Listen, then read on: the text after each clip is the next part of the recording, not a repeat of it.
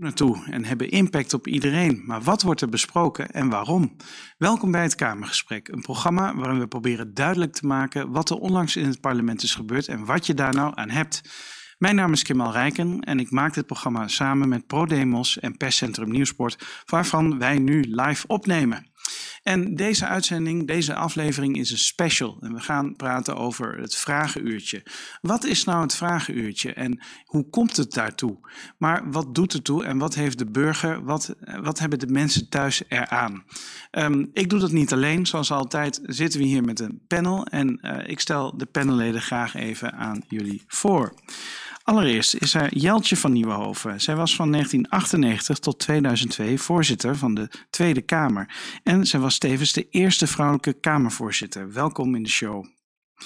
Dan hebben we Keklik Yücel. Keklik Yücel is voormalig Tweede Kamerlid voor de Partij van de Arbeid. En zij is thans verbonden aan de Elsevier Hogeschool, of aan de, aan de Saxion Hogeschool in Deventer. Welkom.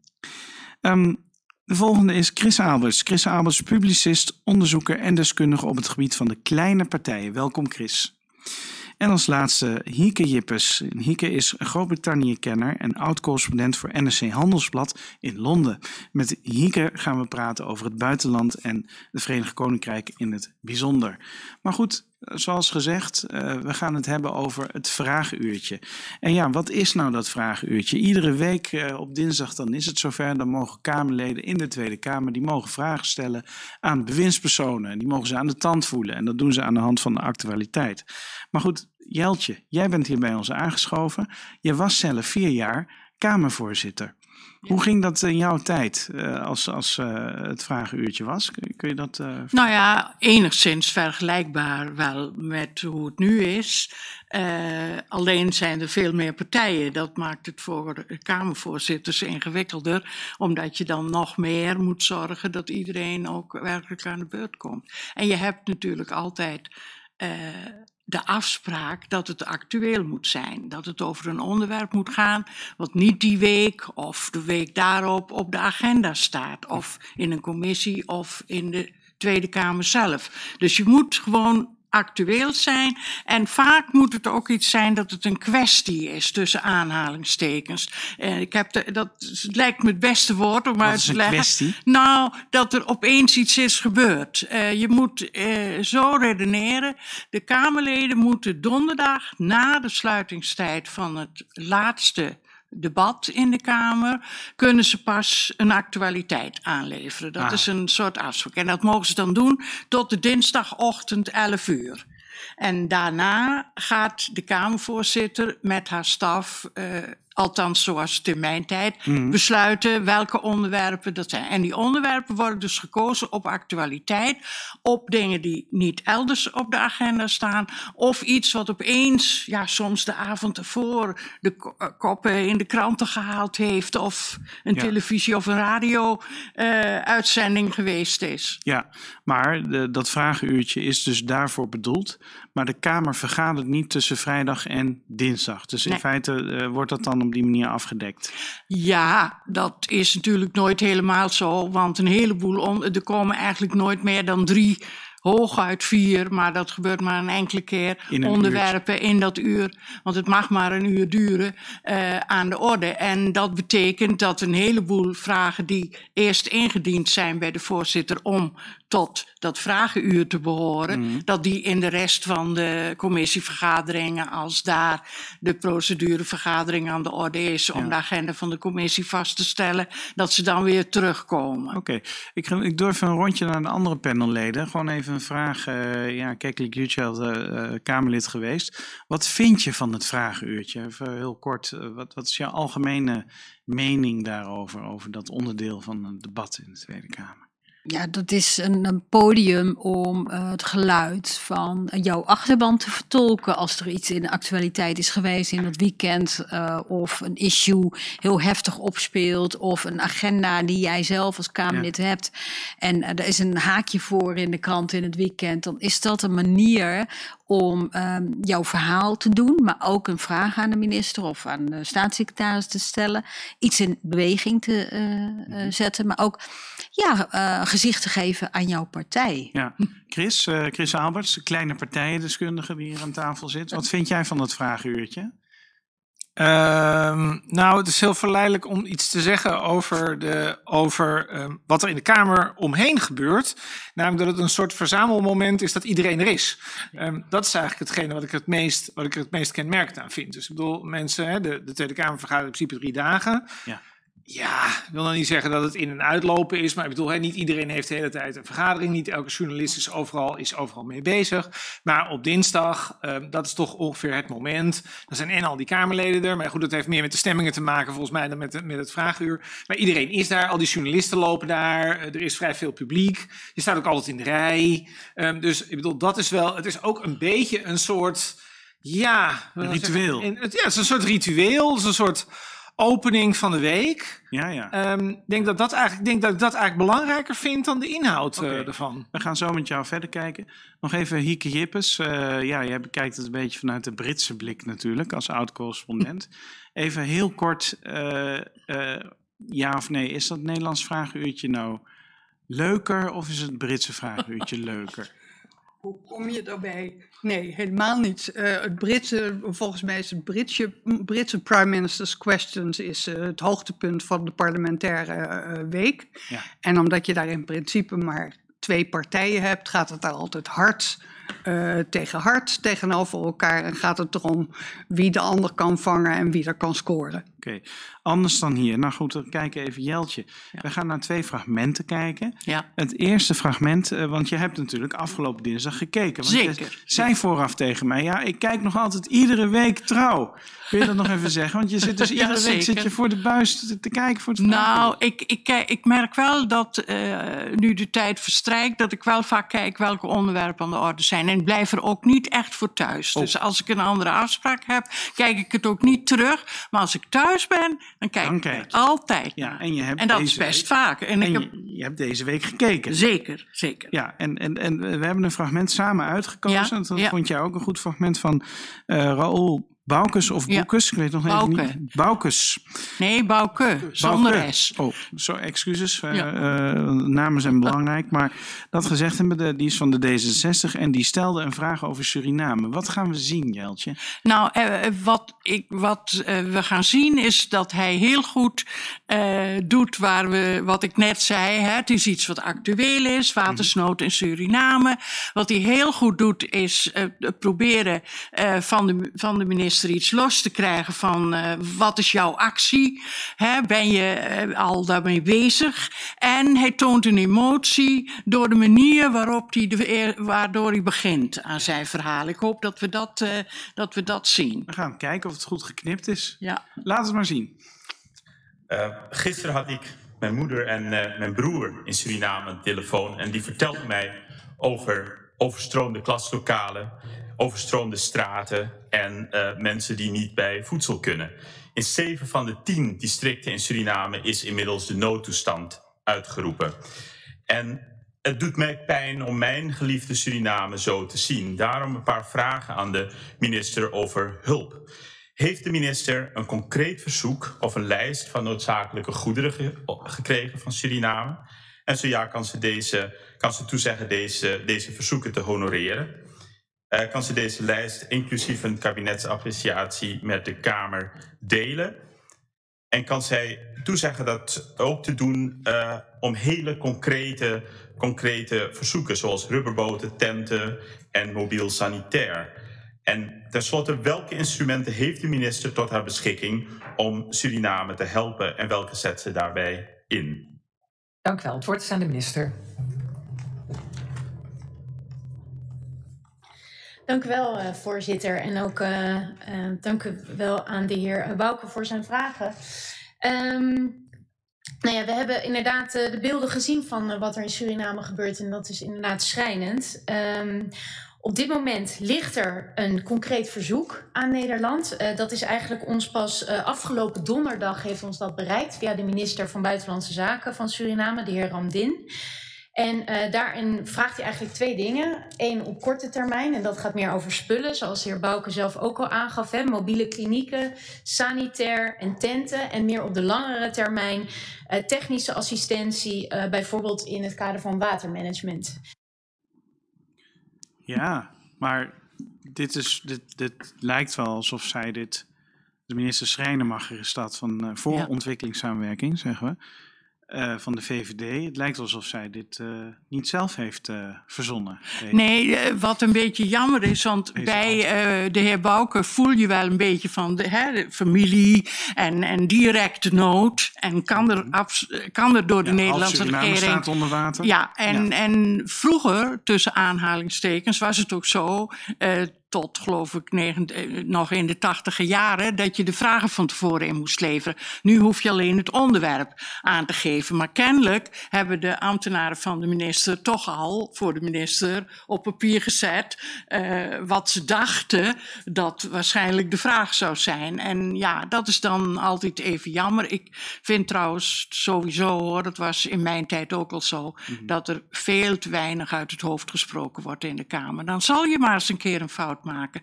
Maar zet wat steekwoorden op een papier. En zeker een minister, ja, dat is wel ja. misschien te kritisch. Want het begint natuurlijk allemaal voor sommige mensen nog maar net. Dus ik ben ook weer daar uh, wel weer ja, ja. heel gemoedelijk in. Maar ik vind dat je toch zo'n onderwerp, dat moet je toch gewoon uit je hoofd kunnen. Deze minister wordt de kloon van Janine Hennis uh, genoemd, de voormalig minister nou, van de Defensie. Dat zult u van mij nooit horen, nee, zo'n uitspraak. Nee, nee helder. Nee. Even, even terug naar naar het, kamer, uh, ja, het Kamerdebat, het vragenuurtje. Ja. Um, um, wat ik toch wil weten even, en, en, en, volgens mij weet je dat heel goed, want je hebt van 81 in de Kamer gezeten tot 2004. Ja. Hoe is dat nou ontstaan, dat vragenuurtje? Was het al in ja. jullie tijd ontstaan of bestond het al? Even nee, het heel bestond, kort voor... het, ik zal proberen het heel kort te doen. Het bestond in, uh, sinds 1906. 1906. Toen, 1906 was het al, maar toen mocht de minister kiezen of hij die vragen mondeling in de Kamer kwam beantwoorden of schriftelijk. En ze kozen natuurlijk voor het overgrote merendeel voor schriftelijk. In 1952 uh, hebben we daar een opleving aan gehad dat er nog eens een keer weer door de Kamer werd vastgesteld. Nee, het moet echt mondeling. Maar toen was het vragenuurtje op donderdag, op donderdagmiddag. Hmm. En in 1991 is het verhuisd van donderdag naar dinsdag. En in 1993 is het voor het eerst dat het live uitgezonden werd, dat uur. En sindsdien ook altijd. Dus Ja, dat is op, heel eh, kort. Toen nog in Nederland is- 2 was dat. ja, eh, niet? maar dat is heel kort de geschiedenis. En er zijn wel eens mensen geweest die gepleit hebben voor afschaffing eh, van het vragenuur. Eh, er zijn ook wel eens mensen eh, die een eh, amendement op het reglement van orde hebben ingediend door te zeggen er moet minstens één keer per week in navolging van Engeland een question time met de minister-president Alleen met de zijn. premier. Alleen met de premier. En daar, was, eh, daar waren maar heel weinig partijen voor. Ja. Eh, dus dat is nooit gebeurd, want de andere partijen vonden dat dan weer te veel eer voor de minister-president. dus die vonden dan dat die daar te veel in kon schitteren. Oké. En dat is een beetje. eh, en, en op het ogenblik is het zo Mhm. dat eh, er niet schriftelijk beantwoord mag worden. Het moet echt mondeling. Het is wel zo dat als schriftelijke vragen niet op tijd behandeld zijn, dan kan je dat melden bij de voorzitter. En dan krijgt dat eigenlijk bij de voorzitter altijd voorrang, want dan mag je ze mondeling eh, overstellen. Heb je nou dingen gezien die echt veranderd zijn van jouw tijd? Ja, dat klinkt heel ver weg, Ja. maar 20 jaar toch wel bijna. Ja. en nu is er in de afgelopen 20 jaar echt, qua reglementen dan en qua... Ja, nou, wat lastiger is, is dat het respect voor de Kamervoorzitter en het onderling respect natuurlijk veel minder geworden is. En daardoor krijg je dus dat al die twintig partijen, nou niet gelukkig alle twintig bij iedere vraag, maar je mag een navolgende vraag stellen. Oké. En dan Ja, en krijg dan- je dus heel erg dat het uitloopt. En dat is zowel voor de voorzitter als voor de andere Kamerleden, maar makkelijker voor de ministers. Nou, wij lopen vandaag niet uit. Eh, Chris, jij wou wat zeggen? Nee, ik, wou dat, dat, ik dacht wel van ja, dat is wel een mooie samenvatting van wat er gebeurt als je te veel fracties hebt. Want dan moet iedereen, Ja, ehm, moet, iedereen moet zijn momentje even, Mhm. eh, even pakken. En je kunt je natuurlijk afvragen of er eh, bij een onderwerp, bijvoorbeeld, nou laten we Suriname nemen, Ja. of er dan twintig verschillende goede vervolgvragen zijn. Ja, Nou, dat is de vraag. dat het Ja. antwoord eh, toch wel Ja. duidelijk We is. gaan, gaan naar een ander fragment kijken. Want Ja. kijk, dat Ja. vragenuur is dus niet alleen om voor Kamerleden om te shinen of om voor eh, de actualiteit. Maar het kan soms ook ergens toe leiden. Absoluut. Hè? En we, zien nu, we gaan nu kijken naar het debat eh, over de toeslagen. Er was een, Ja. De eerste vragen zijn in 2019 in het vragenuurtje gesteld, toch? Door Renske Leijten. Renske Leijten. En dit is een vervolgvraag. Ja, dit is zo'n vervolgvraag waar we het net over hadden. Ja, en dat is Pieter Omzicht die eh, even eh, alles samenvat, toch? Ja. Oké, laat hem maar zien. En dan kom ik bij een pijnlijke constatering voor de functionering van onze democratie, voorzitter. Want deze zaak is door de ombudsman, de Raad van State en de Hoge Raad behandeld. En dan nog anderhalf jaar later staan we hier. Dat is waarom die vraag wat langer duurt. Omdat onze instituties falen hier. Niet dat er een fout gemaakt wordt bij de Belastingdienst, maar dat die niet rechtgezet wordt is het probleem. En, mijn vraag was dus, is deze commissie extern? Dus niemand van de Belastingdienst erin, zeg ik erin. Helemaal niemand die erbij betrokken is. En kunt u de opdracht splitsen? Want er lag een vraag op een algemene vraag van de Kamer die zei... wij willen het hebben over de praktische rechtsbescherming van burgers. Dat is een brede vraagstuk. Maar er moet een onderzoek komen naar die kafzaken. Want daar is nog veel meer misgegaan dan er De nu boven minister. tafel is. De minister. Ja, voorzitter, de, de vraag van de heer Omtzigt is, eh, eh, is, het, is het onderzoek is het extern? Absoluut. Het onderzoek is extern. Eh, overigens, maar dat weet de heer Omtzigt denk ik beter dan ik. De ADR kijkt al naar kafzaken.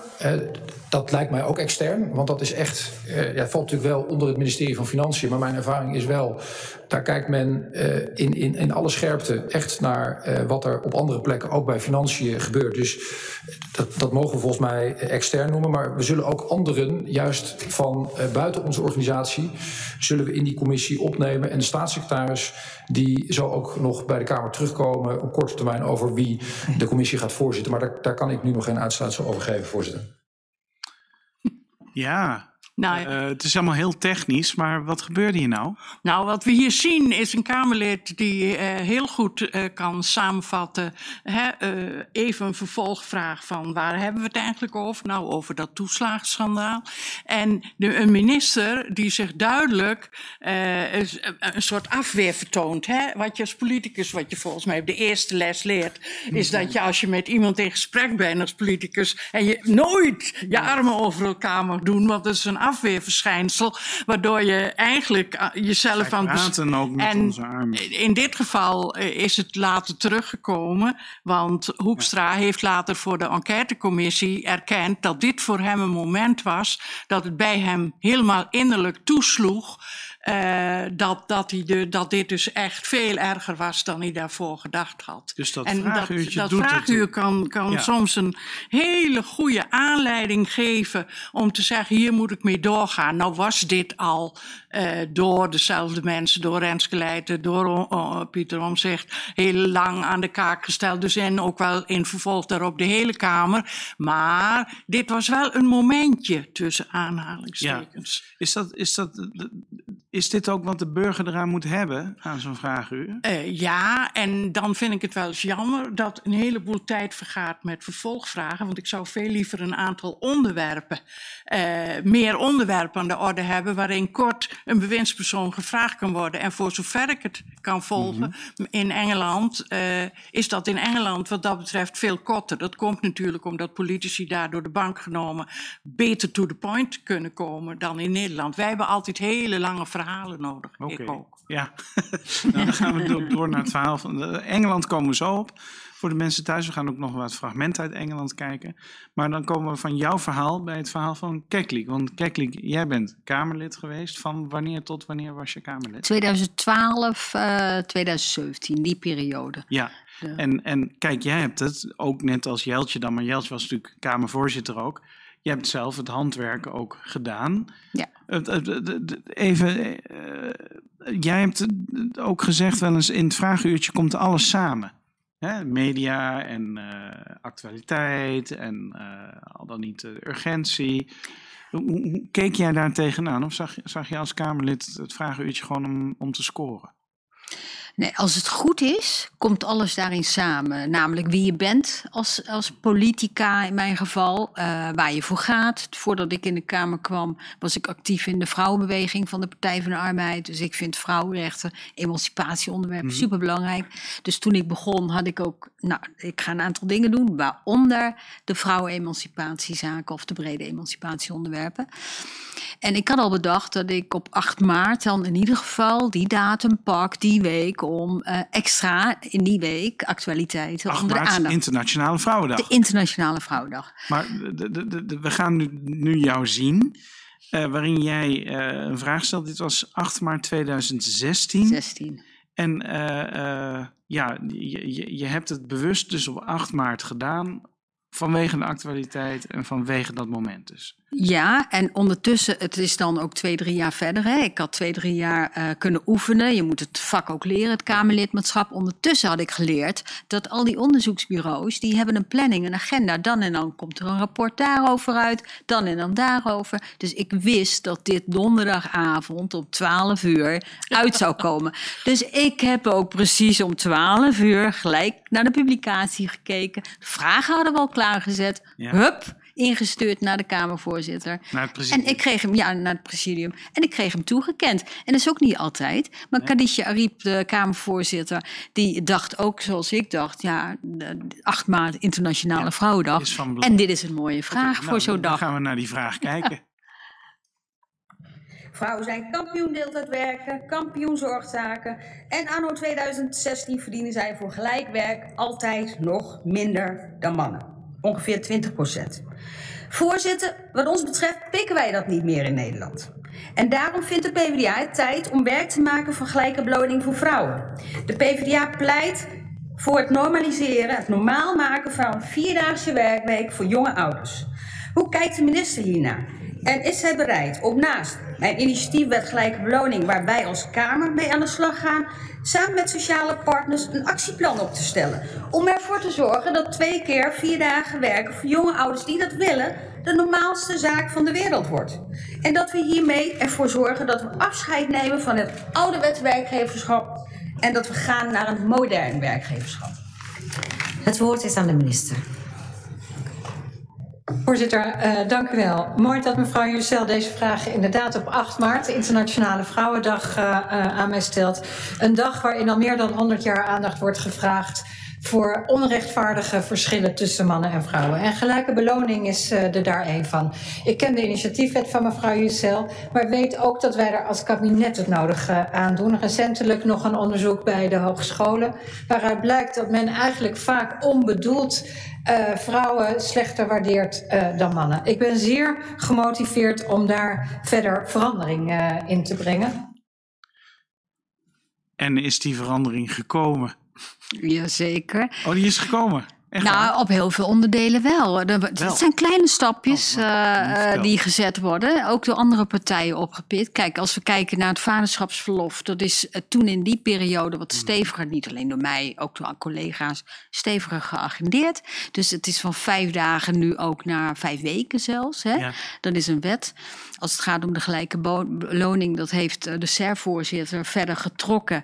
En is er ook een mooi diversiteitsquotum Ja, oké, maar, maar wacht eens even. Maar dat zal allemaal. Ja. Alleen mannen en vrouwen zijn nog steeds op de arbeidsmarkt in Nederland niet gelijk. Nog steeds niet, maar het zijn kleine stapjes die wel gezet worden. En wat hier eigenlijk gebeurt, als ik dat mag zeggen. Kijk, zo'n 8 maart thema, de vrouwen eh, over de ongelijke beloning, vaderschapsverlof en al die ongelijkheid. De bewindspersoon die daar in vak K zit, het is een thema die voor haar ook belangrijk is. Ja, ja. Eh Jet Bussemaker kennen we denk ik ook breder. Hè? Eh, die, die heeft ook de vrouwenthema's altijd een warm hart toegedragen. Dus ik als PvdA-Kamerlid destijds, ja, wil haar ook niet afvallen. Maar wil wel dit onderwerp dan goed op de agenda zetten. Doordat ik het daar eh, tijdens mondelinge was, vragen... was hier sprake van concurrentie, eh Keklik? Nee, maar zo moet je hem nooit Was geen spelen. concurrentie met nee, maar, nee. Eh, voor mij niet en voor haar ook niet. Als je de juiste evenwicht daarin hanteert. Want zodra jij die mondelinge vraag gaat stellen en dat als onderwerp naar je toe gaat trekken, dat motiveert zo'n minister ook om zeker niet achter te lopen, om ook iets te leveren. En dat heeft ze ook gedaan in die Ja, periode. dus het heeft wel een beetje effect. Je stimuleert elkaar. En je zag ook D66 later dat onderwerp ook weer steviger oppakken. Je daagt elkaar ook uit om op dat onderwerp juist te leveren. Dus het heeft altijd wel invloed. Nou hebben we onlangs gezien dat eh, het vragenuurtje dat een minister niet kwam opdagen. Minister Kaag, daar gaan we naar kijken, naar een fragment voordat we gaan kijken. Eh, dat heb je ook meegenomen. Eh, is dat in jouw tijd gebeurd dat ministers niet kwamen opdagen met een eh, ongegronde reden? Met een ongegronde reden heb ik niet meegemaakt. Nee, want dit Eh, was soms, kunnen ze, ja, reden, soms kunnen ze niet, maar dan komt een staatssecretaris of een ander bewindspersoon van dat. Ja, dan, dan is dat het gewoon een logische. Ik kijk even naar de oud-Kamervoorzitter, eh, Jeltje. Eh, er moet, dus als er een vragenuurtje is, dan moet dus de bewindspersoon moet komen.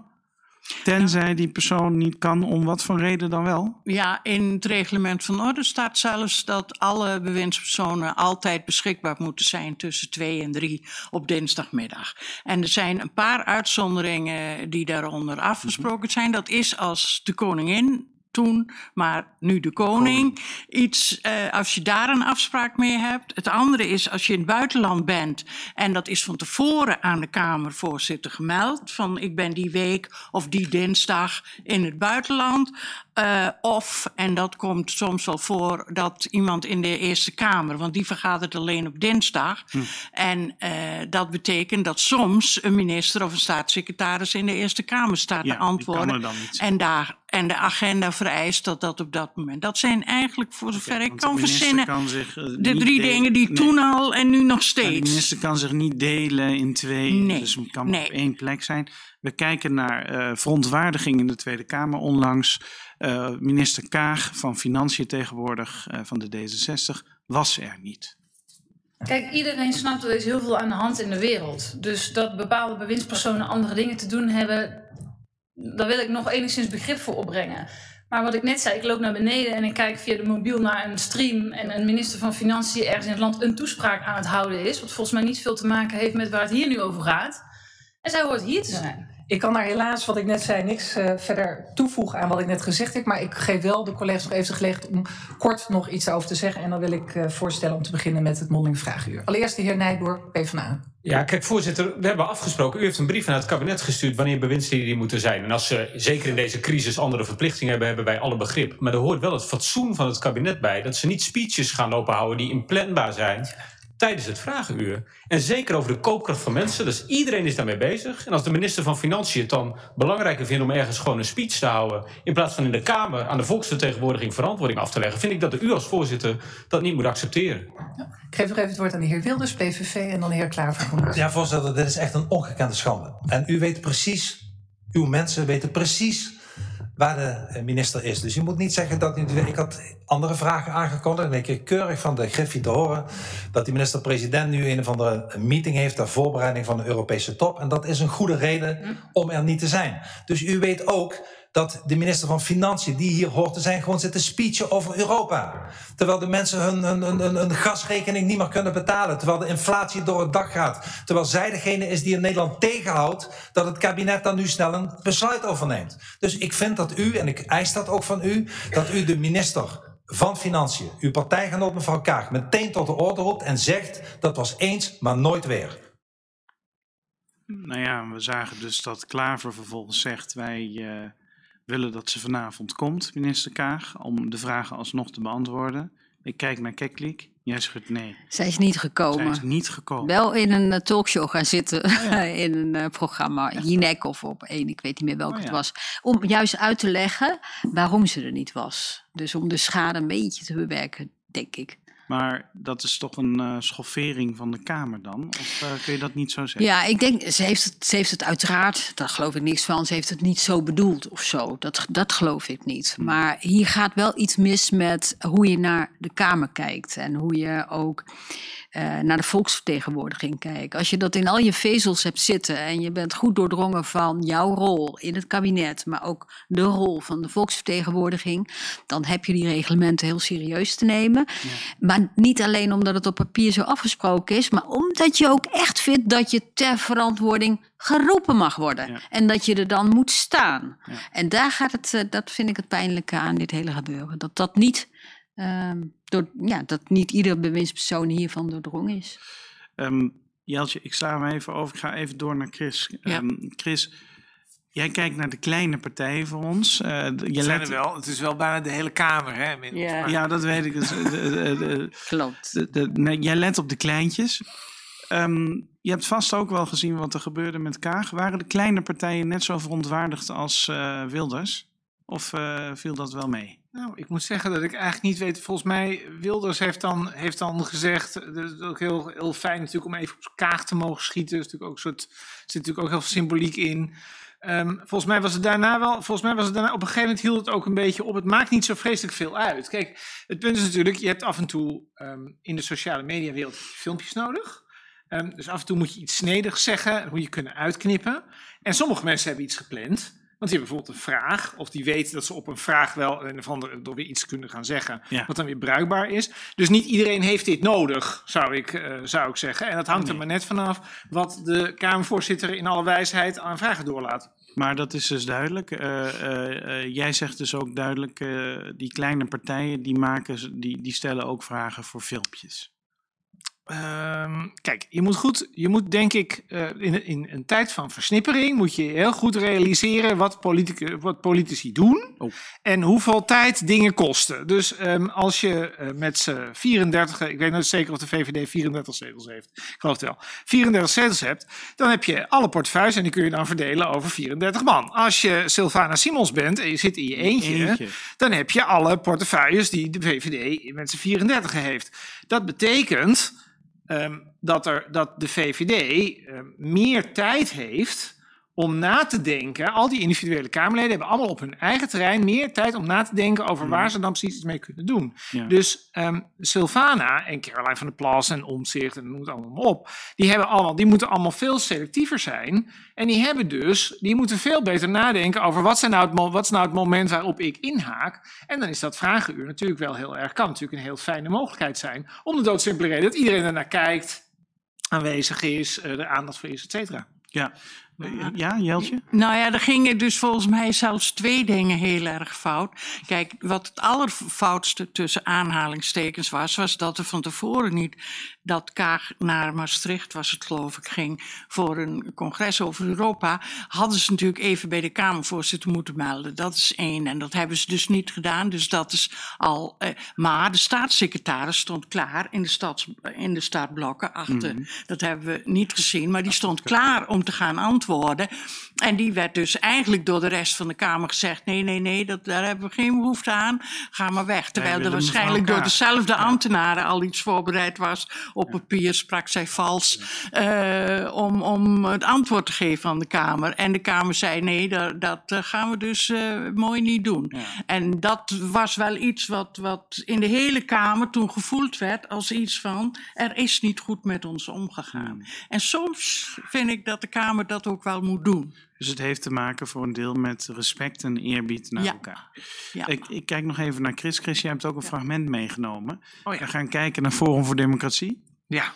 Uh, want jij zegt Forum voor Democratie die gebruikt slash misbruikt het kamer, het vragenuur. Nou, misbruikt niet. Ze, ze, ja, ze maken gebruik van de mogelijkheid die uh, geboden wordt om ja, eerlijk gezegd. Misschien moeten we er gewoon eerst eens naar kijken. En Doen moeten we eens kijken wat, dat nou precies, wat dat nou eigenlijk wat, precies is. Dit is het Kamerlid Freek Jansen.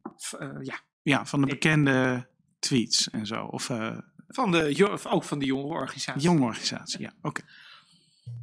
Vandaag zien we het begin van de opbouw van een groot dwangsysteem om de energietransitie, waar niemand op zit te wachten, door te duwen.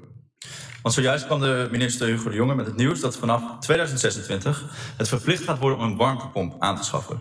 Dat is iets waar FVD al vier jaar voor waarschuwt en wat nu dan ook eindelijk gaat gebeuren.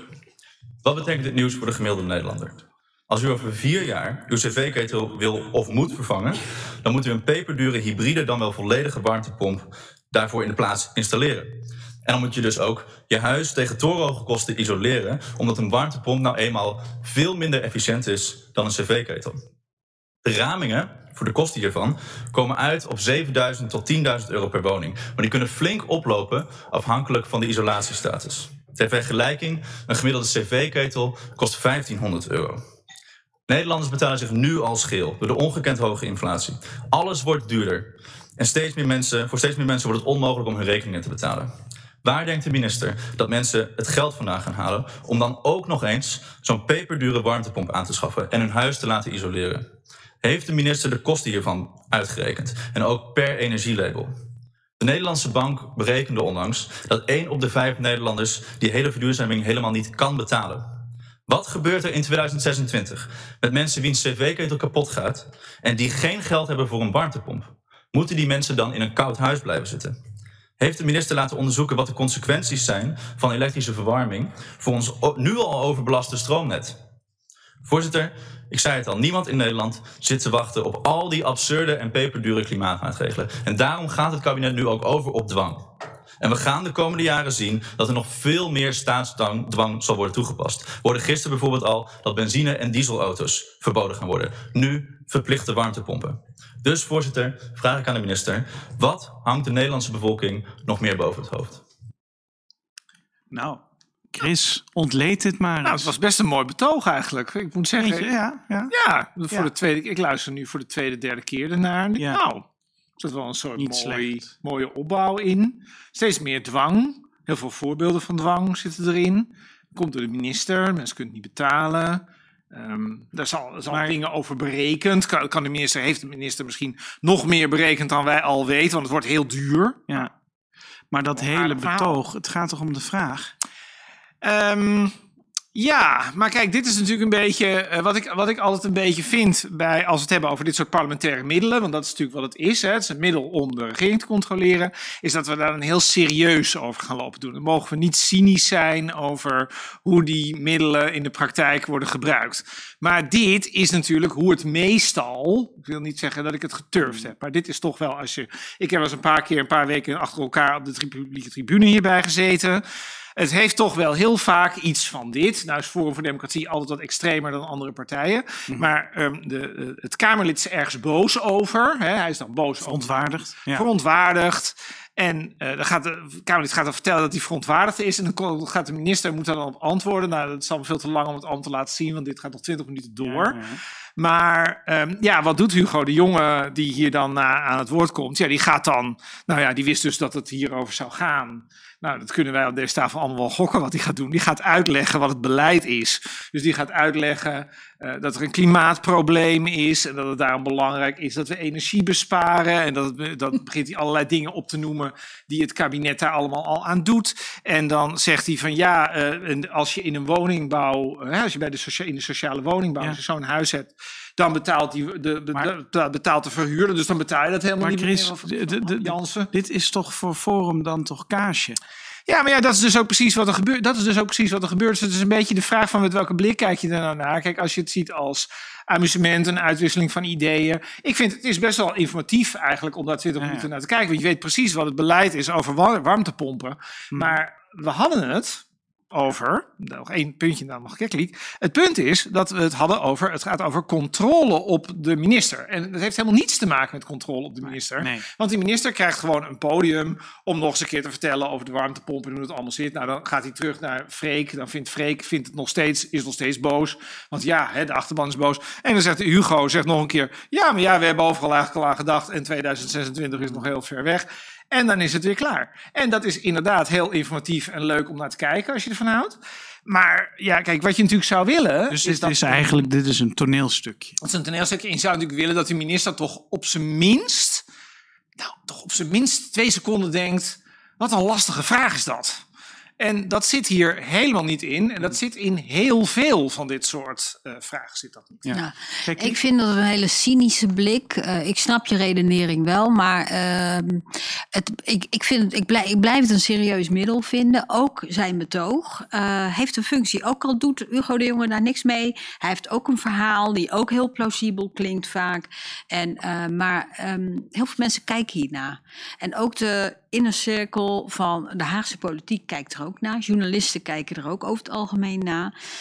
En um, je hebt wel de kans om nog eens, nog eens vanuit jouw uh, partij gezien het beleid op zo'n manier of de vragen zo te formuleren, waardoor je weer um, die boodschap kan overbrengen. Ja. Dat is één. En het tweede is, als jij merkt dat de bewindspersoon met een uh, onzinverhaal terugkomt, dan weet je dat je weer een stap verder moet. Dan kan je weer een ander debat aanvragen of je kunt achter de schermen dingen doen. Ik heb ook dus nou, het, is niet, het, is, ja. het is niet per definitie onzin in die nee. zin. Uh, maar nou, volgens mij heeft Chris het ook niet dat, gezegd, toch? Ik zei niet dat de standpunten onzin zijn. Ik bedoel, het zijn allerlei. Nee, de functie bedoel ik. Veel, maar de, de, de vraag is, kijk, we hebben het over heel veel fracties in de Kamer die allemaal hun bestaansrecht moeten, moeten bewijzen. Voor moet dat uh, ook en kan uiteindelijk de meeste onderwerpen nou, ik zeg de helft van de onderwerpen zullen ze niet kunnen doen om de doodsimpele reden dat ze gewoon te klein zijn. Dan, en dan komt dit eruit. En de, en de achterliggende gedachte van het geheel is, is dat hier de minister gecontroleerd wordt. Ik, mijn stelling zou zijn, de minister wordt hier helemaal niet gecontroleerd. Het enige van de voorbeelden die we gezien hebben. Ja, ik denk dat als meneer Omtzigt, um, zonder nou elke keer meneer Omtzigt te willen, hè, te willen zeggen van meneer Omtzigt doet alles zo goed. Maar als meneer Omtzigt een vraag stelt, dan denken de ministers vaak wel. Hey, dat is toch wel, dat is toch wel een beetje lastig. En dan heeft zo'n middel dus veel meer zin. En wat er dus heel erg gedaan wordt, is, er wordt heel erg vanuit een soort communicatieoogpunt, wil het maar geschoten, want je kunt het altijd, want ik bedoel, en als het mislukt, maak je er geen filmpje van. Dus wat dat betreft is het ook allemaal hartstikke vrijblijvend. Maar je zou natuurlijk eigenlijk willen, als je nou echt wil dat de, dat de verplichte warmtepomp er niet komt. En je hebt daar echt goede argumenten voor, dan ziet het er niet zo uit. Nou, Chris nee. heeft wel gelijk dat, dat, dat je de vraag wel goed moet stellen. Je moet die mondelinge vraag wel goed, eh, die mogelijkheid goed benutten. Dus de kwaliteit van een Kamerlid is wel bepalend voor het effect. En of je dan inderdaad echt aan het controleren bent. Dat is waar. We gaan naar het buitenland kijken. Want in het buitenland is het vragenuurtje namelijk ook. Bijna alle democratieën in de wereld hebben een vragenuur. Eén keer in de week waarin vragen kunnen worden gesteld aan de bewindspersonen. En we kijken even naar een korte compilatie. Heet uh, de staatssecretaris van harte welkom, de woordvoerders en de mensen op de publieke tribune. Aan de orde is het mondelinge vraaguur en ik geef als eerste het woord aan.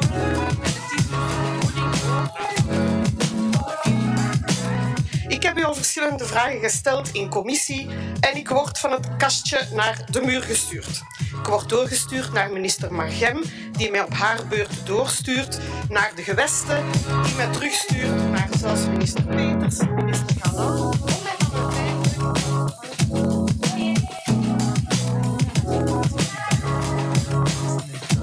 Der Schuldenbremse des Grundgesetzes in Einklang zu bringen sind. Darauf haben Sie jetzt leider keine Antwort gegeben. Das nehme ich mal so hin. Das, keine Antwort ist auch eine Antwort. Jetzt All questions. Question oral, the honorable leader of the opposition.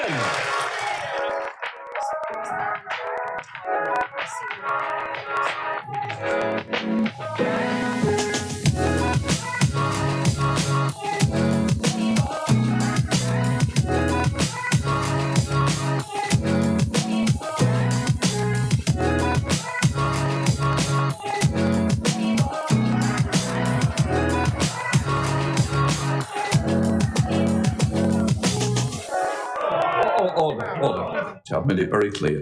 It is Prime Minister's questions. It's not the opposition to answer your question. Whether we like it or not, those are the rules of the game that we're all into, and we play by the rules, don't we? And we respect this house. So let's respect the house. Ja, dat, uh, dat, uh, dat uh, smaakt naar meer. Ik kijk naar Hieke Jippes. jij bent jarenlang correspondent geweest in Groot-Brittannië. Uh, voor NRC Handelsblad. Um, onder andere. Uh, onder ja. andere. En we, gaan, uh, we zagen net al een paar voorbeelden van hoe het in het buitenland naartoe gaat. Maar we vonden het toch leuk om te focussen en wat dichter bij huis te blijven. Dus we maken de sprong over de Noordzee naar Groot-Brittannië. en, en de eerste vraag die ik jou wil stellen is eigenlijk. Eh, ja, toen, toen, je, toen je net eh, dit allemaal zo zag van die Nederlandse Kamerleden die dan achter het katheder gaan staan en keurig, dan, denk je, dan zie ik jou denken: in Groot-Brittannië is het allemaal veel leuker, toch? Dodelijk saai. Wat? Dit, wat we eh, zagen Nederland. uit Nederland bijvoorbeeld. Dodelijk saai. Dodelijk saai. Kijk, eh, eh, elke, het verschil is onder andere wat ik net al zei: dat je in principe in het parlement van Westminster twee, het zijn er meer, maar twee opponerende partijen eh, hebt. Die Ja, kunnen twee dus- partijenstelsel. ja, die Ja. kunnen dus lekker tegenover elkaar zitten. In een vertrek wat veel te klein is om 650 afgevaardigden eh, te huisvesten. Dat heeft te maken met het moment waarop dat paleis eh, herbouwd werd. Eh, en bovendien is het bijzondere van Prime Minister's Questions dat het ook precies is wat het zegt. Namelijk, het zijn vragen alleen maar aan de Prime Minister. Ja. Dus wie kan daar schitteren of afgaan? De Prime Minister en de leider van de oppositie. Want die, eh, de prime minister weet voor een groot gedeelte niet wat voor vragen die van de overkant eh, zal krijgen. Bovendien joelt de hele achterban van de overkant joelt mee als die uitglijdt of, het, of iets eh, verkeerd zegt of zich belachelijk maakt. Elke, van elke prime minister waarvan ik de memoires heb gelezen van de afgelopen, wat zullen we zeggen, 30 jaar. Eh, die bekennen allemaal dat ze elke woensdagmorgen met het zweet in hun handen vaak naar het toilet moeten. Omdat ze zo ontzettend bang zijn voor het moment dat ze die eh ommuurde boksring binnenkomen. Ja, want dat is het eigenlijk. Hè? Het is eh, 650 mannen en vrouwen hutje-mutje op elkaar die eh, schreeuwen en tieren en doen. En een, Ja. en een voorzitter die iedereen in de hand moet houden. Dat gezegd hebben, de, een van die prime ministers van die premiers was Margaret Thatcher. De eerste vrouwelijke premier van eh, Engeland. Ehm, eh, eh, maar die vrouw die was dus niet zo zenuwachtig voordat ze er naartoe ging, of wel? Nou, die was inmiddels behoorlijk ervaren, want die heeft natuurlijk drie regeringsperioden is ze prime minister geweest. Maar in het fragment waar jij nu op doelt, wat we zo dadelijk gaan Ja, zien, 11,5 was ze, jaar, hè? voelde ze zich totaal bevrijd, want ze was al weggestemd door haar eh, eigen medeparlementariërs. Die gunde haar niet nog een volledige derde ehm, ehm, parlementsperiode. En eigenlijk, het was net of, ze, of, ze, of er een last van haar schouders was gevallen. Ja. Mevrouw Thatcher had alles, maar geen gevoel voor humor. Hier blijkt ze dat opeens Wel wel, te te hebben. Ja, nou dan gaan we kijken naar Margaret Thatcher. I'm most grateful to the Prime Minister. Will she tell us whether she intends to continue her own personal fight against a single currency and an independent central bank when she leaves office? No, she's going to be the governor. On the present structure,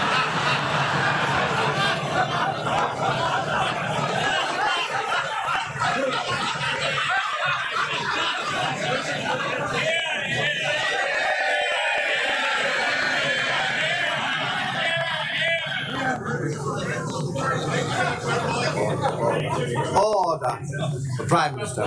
what a good idea.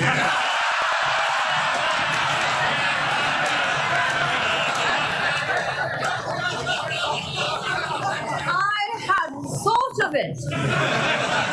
But if I there'd be no European Central Bank accountable to no one, least of all to national parliaments. Because the point of that kind of European Central Bank is no democracy, taking powers away from every single parliament and being able to have a single currency and a monetary policy and an interest rate which takes all political power away from us. As my right honourable friend said in his first speech after the proposal of a single currency, a single currency is about the politics of Europe. It is about a federal Europe by the back door. So I'll consider the honourable gentleman's proposal. Now, where were we? I'm enjoying this. I'm enjoying this.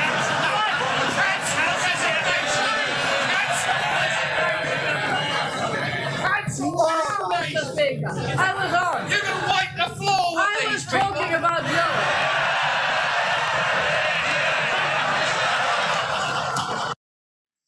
Nou, Ze komen allemaal niet meer bij, want zo kennen ze mevrouw Thatcher niet. Dat, dat geloof ik. En uh, zij heeft er jarenlang ook tegengehouden dat het werd uitgezonden, hè, zei je. En, uh, en uiteindelijk is het toch gebeurd. Uh, in Engeland kun je dit iedere week ook zien. Ja. Um, uh, maar gaat het er altijd nou zo jolig en leuk en gezellig aan toe in het uh, Britse parlement? Nou, het hangt een beetje van uh, de onderwerpen van de week af. Dat is geheel aan, in de eerste plaats aan de leider van de oppositie. Die probeert natuurlijk te porren in een onderwerp wat gevoelig ligt voor uh, de regeringsleider. De een is daar beter in uh, dan de andere. Keir Starmer, de huidige Labour-leider, die kan dat heel goed. Die ja. is advocaat, strafrechtadvocaat geweest. Dus die kan heel goed forensisch door dingen heen prikken. Jeremy Corbyn, de voormalige Labour-leider, die was daar hopeloos in. Ja. En die, die, die, mevrouw May kon hem ook aan. En Boris Johnson kon hem helemaal aan. Ja, dus het hangt er heel erg vanaf, toch wel van het individu, van de persoon die de oppositieleider is in uh, Engeland. Ja, en, en van de persoon die de premier is. Dus ja. Boris Johnson, in het begin was dit natuurlijk voor hem ideaal. Hij is mm -hmm. verbaal goed gebekt, hij kan ja. uh, goede grappen maken, hij is intelligent, uh, hij kan de lachers op zijn, op zijn hand krijgen. ideaal. Het, het, het pijnlijke is nu natuurlijk dat sinds vorige week uh, bleek dat een kwart Part van zijn parlementariërs ja. niet uh, achter niet hem staat. Nee. Dat alles wat hij zegt nu bekeken wordt in dat licht. Oké, okay. we gaan naar een fragment kijken van Keir Starmer en uh, Boris Johnson. Dus een actuele fragment, het uh, allerlaatste fragment. Ja, wat van eind zien. mei. En dat is van onlangs, hè? Dus dat is onlangs een... Ja, eind mei. Ja, ja. Ik zie nu in beeld uh, Tony Blair, dat is hem niet. We gaan, ja, daar komt hij. Oké, okay, we kijken even naar hoe het er nu aan toe gaat in het Engelse parlement. Mr. Speaker, since we stood here last week and I asked the Prime Minister yet again to back Labour's plans for a windfall tax to reduce energy bills, hundreds of millions of pounds have been added to bills of families across the country. And hundreds of millions of pounds have landed in the bank accounts of energy companies. It sounds like he's finally seen sense. And the inevitable U turn may finally have arrived. So, when can people across the country expect him to use those oil and gas profits to bring down their bills? Well, Mr. Speaker, there's nothing original about a Labour plan to tax uh, business. There's nothing remarkable. They want to tax business uh, the whole time, every day. Uh, Labour wants to put up taxes on business. And what we're doing is we're helping people. He asks when we're going to help people. We're helping people now, uh, Mr. Speaker. And uh, we're, we're, we're putting 22 billion pounds into uh, people's pockets already, cutting uh, council tax by 150 pounds, cutting uh, fuel duty, cutting national insurance contributions by an average of 300 by an average of 330 pounds for people who pay for people who pay Nix. And Mr. Speaker, how can we afford that? Uh, because we have a strong economy, because we came out of COVID fast, Mr. Speaker, which would not have been possible if we'd listened to the party opposite. 15 tax rises and he pretends they're a low tax government. Ja, uh, wij zaten adembenemend allemaal te kijken. Ik moet eerlijk zeggen, alle panelleden, hun oogjes gingen naar het scherm. Dit zegt wel iets natuurlijk, hè? Dit is zoals het moet, of niet? Um, ik vind van wel. Ik vind dit, ik vind dit omdat, het ook, omdat het ook resultaat uh, oplevert. Oh ja? In dit geval, um, Keir Starmer, Labour had al acht weken lang gezegd... De, in de huidige energiecrisis zijn de energiebedrijven... die krijgen door accijns en andere dingen zo ontzettend veel winsten binnen. Ondertussen zijn er mensen die gewoon hun, hun moeten kiezen of ze, of ze eten, dan wel hun, hun huis verwarmen of iets aanzetten. Iets, iets energierijks aanzetten. Um, en, hij, uh, en al die tijd heeft Boris Johnson gezegd: nee, nee, nee, daar zijn we niet van, dat doen we niet, daar beginnen we niet aan, dat uh, ondermijnt investeringen in ons land en enzovoort. En op het moment van dit debat begon het er net op te lijken dat de conservatieven daarin, zoals dat heet, een U-turn zouden maken. U-bocht. Een U-bocht en dus precies het tegenovergestelde standpunt zouden uh, gaan innemen. En Boris Johnson eh, hield hier dus weer zijn riedel van wij zijn degene met... Hè, daar komt hij elke prime minister's questions mee eh, als verdediging. Maar dat klinkt nu allemaal hol. Dus eigenlijk kan de prime minister's questions, in dit geval in Engeland, kan dus ook een politieke koerswijziging veroorzaken. Oh, absoluut. Mensen, en dat komt ook omdat het is, hè, de, de, het lagerhuis is helemaal vol. Het hele, het electoraat kijkt, kan zelf zien hoe eh, zo'n premier zich weert en of die nog steeds liegt in hun beleving of niet. Ik ga even een rondje doen, want eh, Jeltje, ik zie jou knikken, maar dit zou in Nederland toch nooit kunnen? Nee, maar omdat wij ook geen twee-partijenstelsel hebben. Dus laten we daar even mee beginnen. Alle mooie dingen die we vaak zien, dat vind ik zelf ook. Maar je moet je tegelijkertijd realiseren dat we in Nederland een ander stelsel hebben. Dus in die zin zal dat altijd anders zijn. En in Nederland is het ook de gewoonte eh, dat een bewindspersoon ook heel gauw terugvalt in.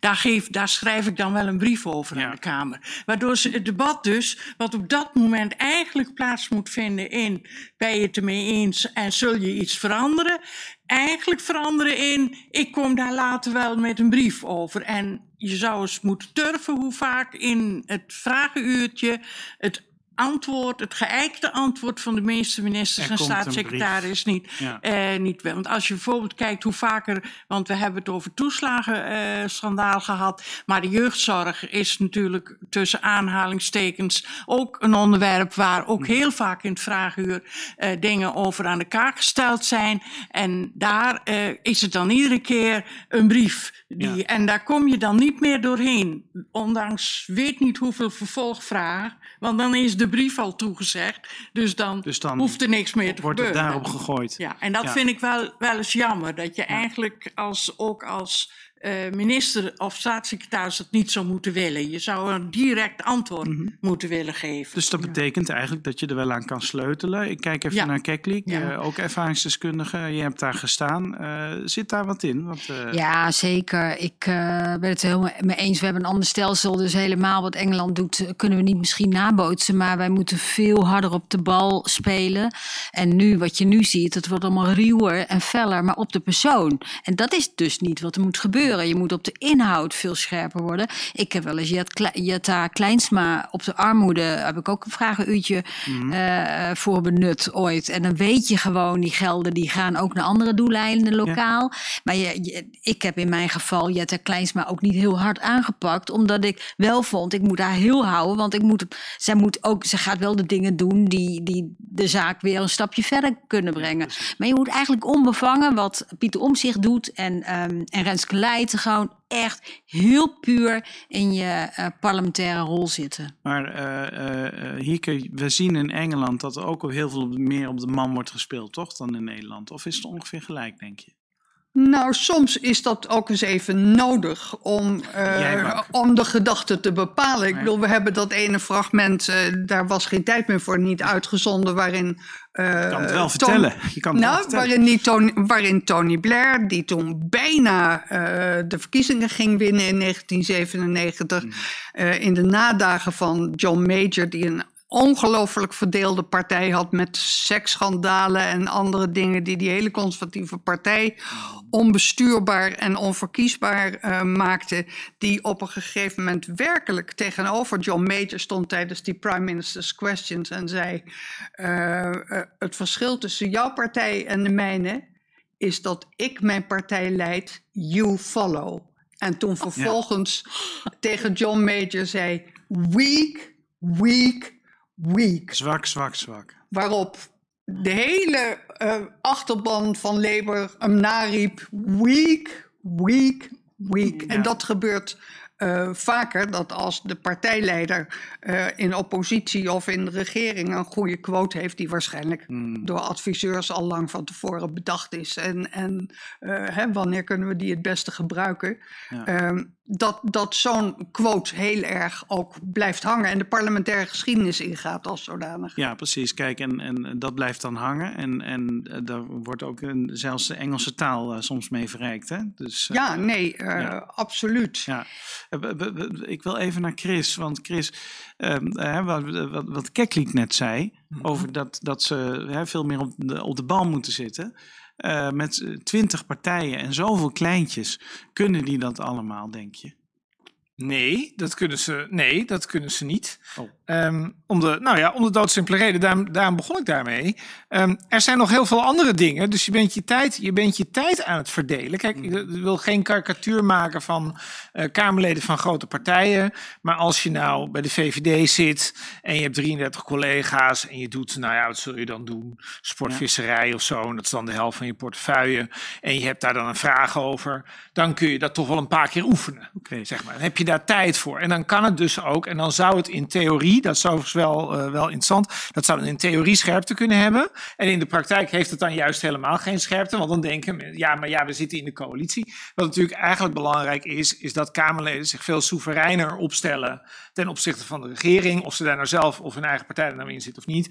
En daarvan zie je in het Nederlandse systeem gewoon heel weinig voorbeelden. Oké, Eh, we zijn aan het eind gekomen. Ik wil nog één rondje doen en dan even iedereen een heel kort antwoord.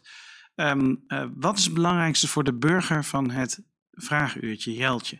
Dat ze zich de- erin herkennen. In, dat er in normale taal gesproken wordt. eh, dat er emoties, zoals we aan het begin bij Raoul Bouke gezien hebben. eh, dat een minister direct durft te antwoorden. Want Ja. het is bijna dat, ik- dat je het moet durven als bewindspersoon. door er direct op in te gaan. Wat heeft de burger eraan, Chris? Eh, als het Kamerlid zich soeverein opstelt, eh, heel veel, want dan vindt er echte controle plaats. Oké. Eh, Hieke, wat heeft de burger eraan aan het vragenuur? dat er soms zulke ontzettend eh goede parlementariërs zijn die of een vraag stellen of een vraag beantwoorden, dat ze daaruit de conclusie kunnen trekken dat dat lot there, dat ze niet allemaal hetzelfde zijn. Oké. En als laatste, Keklik, wat heeft de burger hier aan? Nou, dat, dat ze kunnen zien dat eh, de mensen die ze gekozen hebben, namens hen daar hun zorgen verwoorden, hun problemen aan de orde stellen en dat er hard gewerkt wordt. Ja, dus het vragenuur doet het toe. Daar zijn we wel zo langzamerhand, eh, ook al is het niet perfect, het doet het toe, zijn we zo langzamerhand wel over eens. Nou goed, eh, wat er ook toe doet, is dat dit programma is afgelopen. Ik dank jullie allemaal voor het kijken en ik wens iedereen nog een fijne avond.